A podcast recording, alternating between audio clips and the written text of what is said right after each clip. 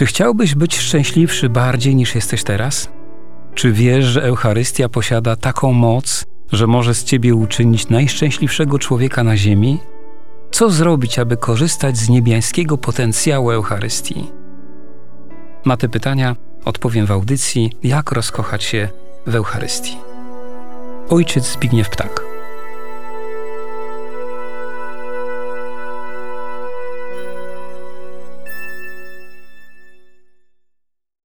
Kolejny raz dotykamy świętości Eucharystii przez słowo, którym pragniemy o niej opowiedzieć. To słowo zawsze jest nieporadne wobec tajemnicy, którą jest Najświętsza Ofiara. Choć jesteśmy bardzo ograniczeni w tym temacie, to jednak odpowiadając na wezwanie Kościoła, pragniemy poznawać boską liturgię. Czynimy to w tym celu, aby ją bardziej kochać, a kochając, pragniemy ją wnosić w naszą codzienność. Módlmy się zatem ufnie i pokornie. Wszechmogący Boże, ofiarujemy Ci krew Jezusa Chrystusa, krew wszystkich męczenników, cnoty i zasługi Jezusa, Maryi, Józefa i wszystkich świętych, w połączeniu ze wszystkimi mszami świętymi, do tej pory sprawowanymi i tymi, które do końca dziejów będą jeszcze sprawowane, w intencji naszej żarliwej miłości do Eucharystii, w intencji naszego głodu mszą świętą, w intencji naszego zadziwienia się Eucharystią i w tej intencji, aby, abyśmy nigdy nie ulegli rutynie. Przed tygodniem mówiliśmy o ofiarowaniu, a dzisiaj powiemy o innym aspekcie ofiarowania, czyli o współofiarowaniu. W numerze 79 ogólnego wprowadzenia do mszału rzymskiego napisano, że Kościół dąży do tego, aby wierni ofiarowali nie tylko niepokalaną hostię, lecz by także uczyli się samych siebie składać w ofierze i aby z dnia na dzień przez pośrednictwo Chrystusa coraz ściślej jednoczyli się z Ojcem i między sobą, by w końcu Bóg był wszystkim we wszystkich. Rozwinięcie. Badacze religii zgodnie stwierdzają, że we wszystkich religiach istnieją święte obrzędy, których szczytowym elementem kultu było składanie ofiary. Kiedy człowiek składał swemu Bogu ofiarę, wyrażał w ten sposób prawdę, że Bóg jest Panem wszystkiego, a człowiek siebie oddaje Bogu jako najwyższej istocie. W całych dziejach Izraela spotykamy praktykę ofiar składanych Bogu. Naród ten ma głęboką świadomość, że jest ludem spokrewnionym z Bogiem na zasadzie królewskiego kapłaństwa krew zwierząt, które były składane w ofierze na ołtarzu, była pieczęcią przymierza, nazywanego przez Boga zaślubinami z Izraelem jako oblubienicą Boga. W świątynnym kulcie składano cztery rodzaje ofiar: ofiary krwawe, czyli zabijanie różnych zwierząt, ofiary bezkrwawe, ofiarowanie zboża, oliwy, wina czy kadzidła, ofiary całopalne, czyli dar ofiarny spalano na ołtarzu jako woń przyjemną Bogu. Ofiary biesiadne, kapłani i ofiarodawcy spożywali część ofiary na znak więzi z Bogiem i między sobą. Niekiedy nazywano to ofiarą komunijną. Oprócz wspomnianych ofiar składano jeszcze ofiary szabatowe, świąteczne, nowiu i ofiary wotywne. Wyrażany w ten sposób kult miał przede wszystkim charakter uwielbienia okazywanego Bogu i całkowitą zależność od Stwórcy. Żydzi widzieli w tym ofiarniczym dziele zapowiedź i przygotowanie do czasów mesjańskich, w których nastąpi pełnia kultu. Prawdę tę w imieniu Boga wyrażali prorocy, którzy ganili Żydów za brak ducha prawdziwej uległości wobec Boga. Te negatywne postawy piętnował m.in. prorok Izajasz. Co mi po mnóstwie waszych ofiar, mówi Pan. Syt jestem całopalenia kozłów i łoju tłustych cielców. Krew wołów i baranków i kozłów mi obrzydła. Przestańcie składania czczych ofiar. Obrzydłe mi jest wznoszenie dymu, święta nowiu, szabaty, zwoływanie świętych zebrań. Nie mogę ścierpieć świąt nowiu i obchodów, stały mi się one ciężarem. Sprzykrzyło mi się je znosić. ręce wasze pełne są krwi. Obmyjcie się, bądźcie czyści. Usuńcie zło uczynków waszych sprzed moich oczu. Przestańcie czynić zło, zaprawiajcie się w dobrym. Rozdział pierwszy, od wiersza 11 do 16. Największym problemem, o którym mówi prorok Izajasz i inni prorocy, jest to, że w zamyśle Bożym ofiara miała wyrażać postawę człowieka, jego wewnętrzne nastawienie, a nie je zastępować. Stąd prorocy pod wpływem Ducha Bożego zapowiadali doskonałą ofiarę, która nastąpi w czasach mesjańskich.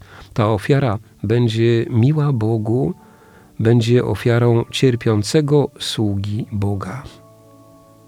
Śmierć Jezusa Chrystusa na krzyżu jest wypełnieniem wszystkich zapowiedzi dotyczących ofiary czystej, ofiary miłej Bogu.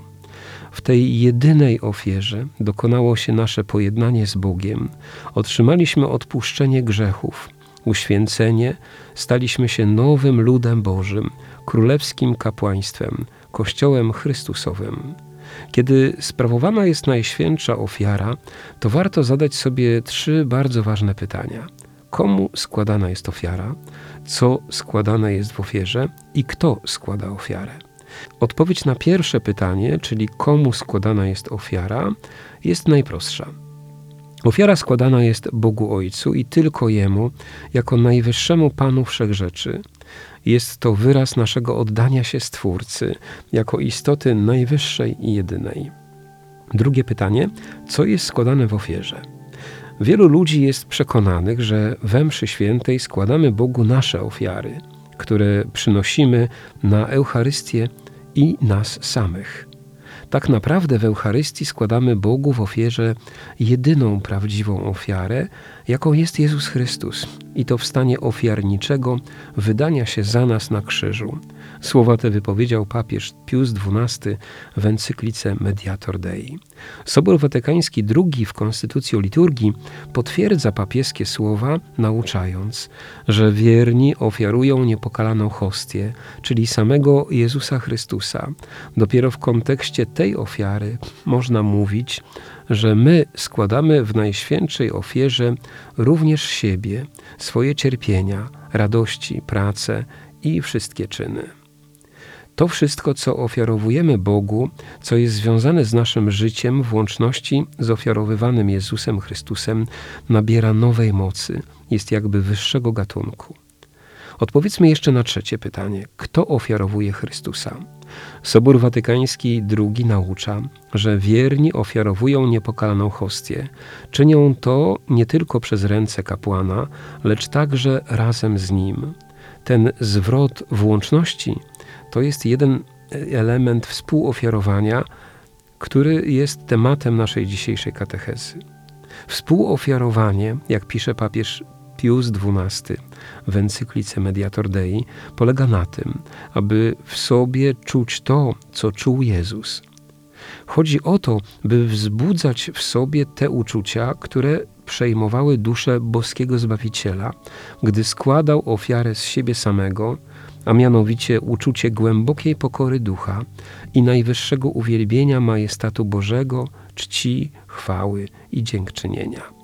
Chodzi również o to, by przybrać niejako postawę ofiary, czyli wyrzec się z siebie samego według wskazań Ewangelii. Pomimo tego, że postawa współofiary z natury swojej ma charakter wewnętrzny, to jednak ma przejawiać się także na zewnątrz. Mają to być nasze liturgiczne postawy, a więc gesty, słowa, postawy ciała, śpiew, odpowiedzi, składanie materialnej ofiary i przede wszystkim przyjęcie Komunii Świętej. Postawa ofiarnicza, o której przed chwilą powiedzieliśmy, domaga się, aby wejść w usposobienie Jezusa Chrystusa i z Nim się jednoczyć. Pierwszym elementem tego dzieła jest oddanie samego siebie w darze Ojcu, podobnie jak czynił to ciągle Jezus.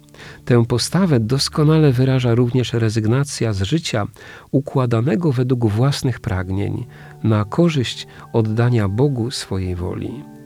Święty papież Jan Paweł II naucza, że w uobecnieniu Eucharystii zostaje na nowo oddany Bogu człowiek i świat. To oddanie jest podstawą nowego i wiecznego przymierza Boga z człowiekiem i człowieka z Bogiem.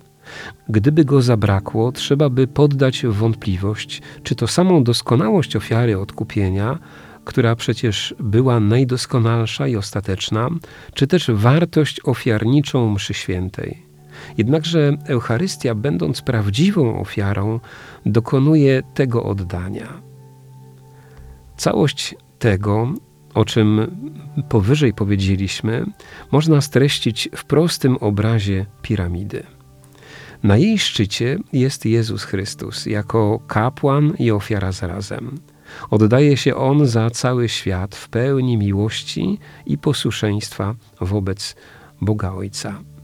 Poniżej znajduje się celebrujący kapłan, który w czasie Eucharystii uobecnia Chrystusa, kapłana i hostię zarazem.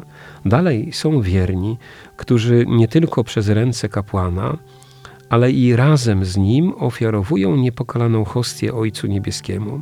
Jednocześnie uczą się oni samych siebie składać Bogu w ofierze, czyli oddawać swoją wolę i wolność poprzez dyspozycyjność upodobnioną do ofiarniczego usposobienia Jezusa Chrystusa. Jest to więc oddawanie siebie Bogu w Chrystusie. Tylko w Nim ma to oddanie wartość przed Bogiem.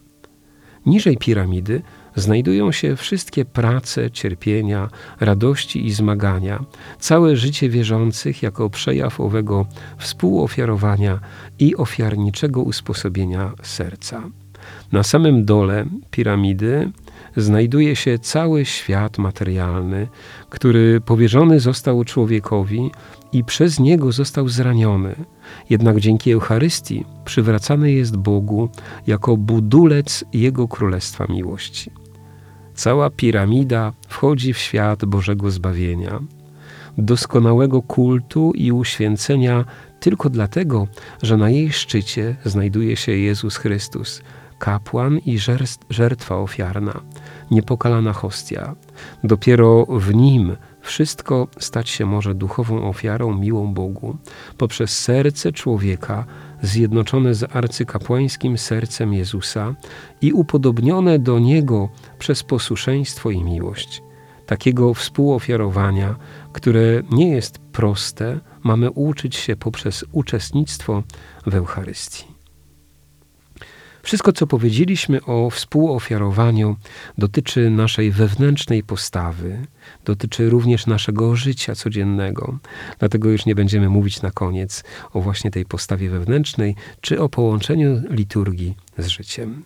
Błogosławię Was wszystkich w imię Ojca i Syna i Ducha Świętego. Amen.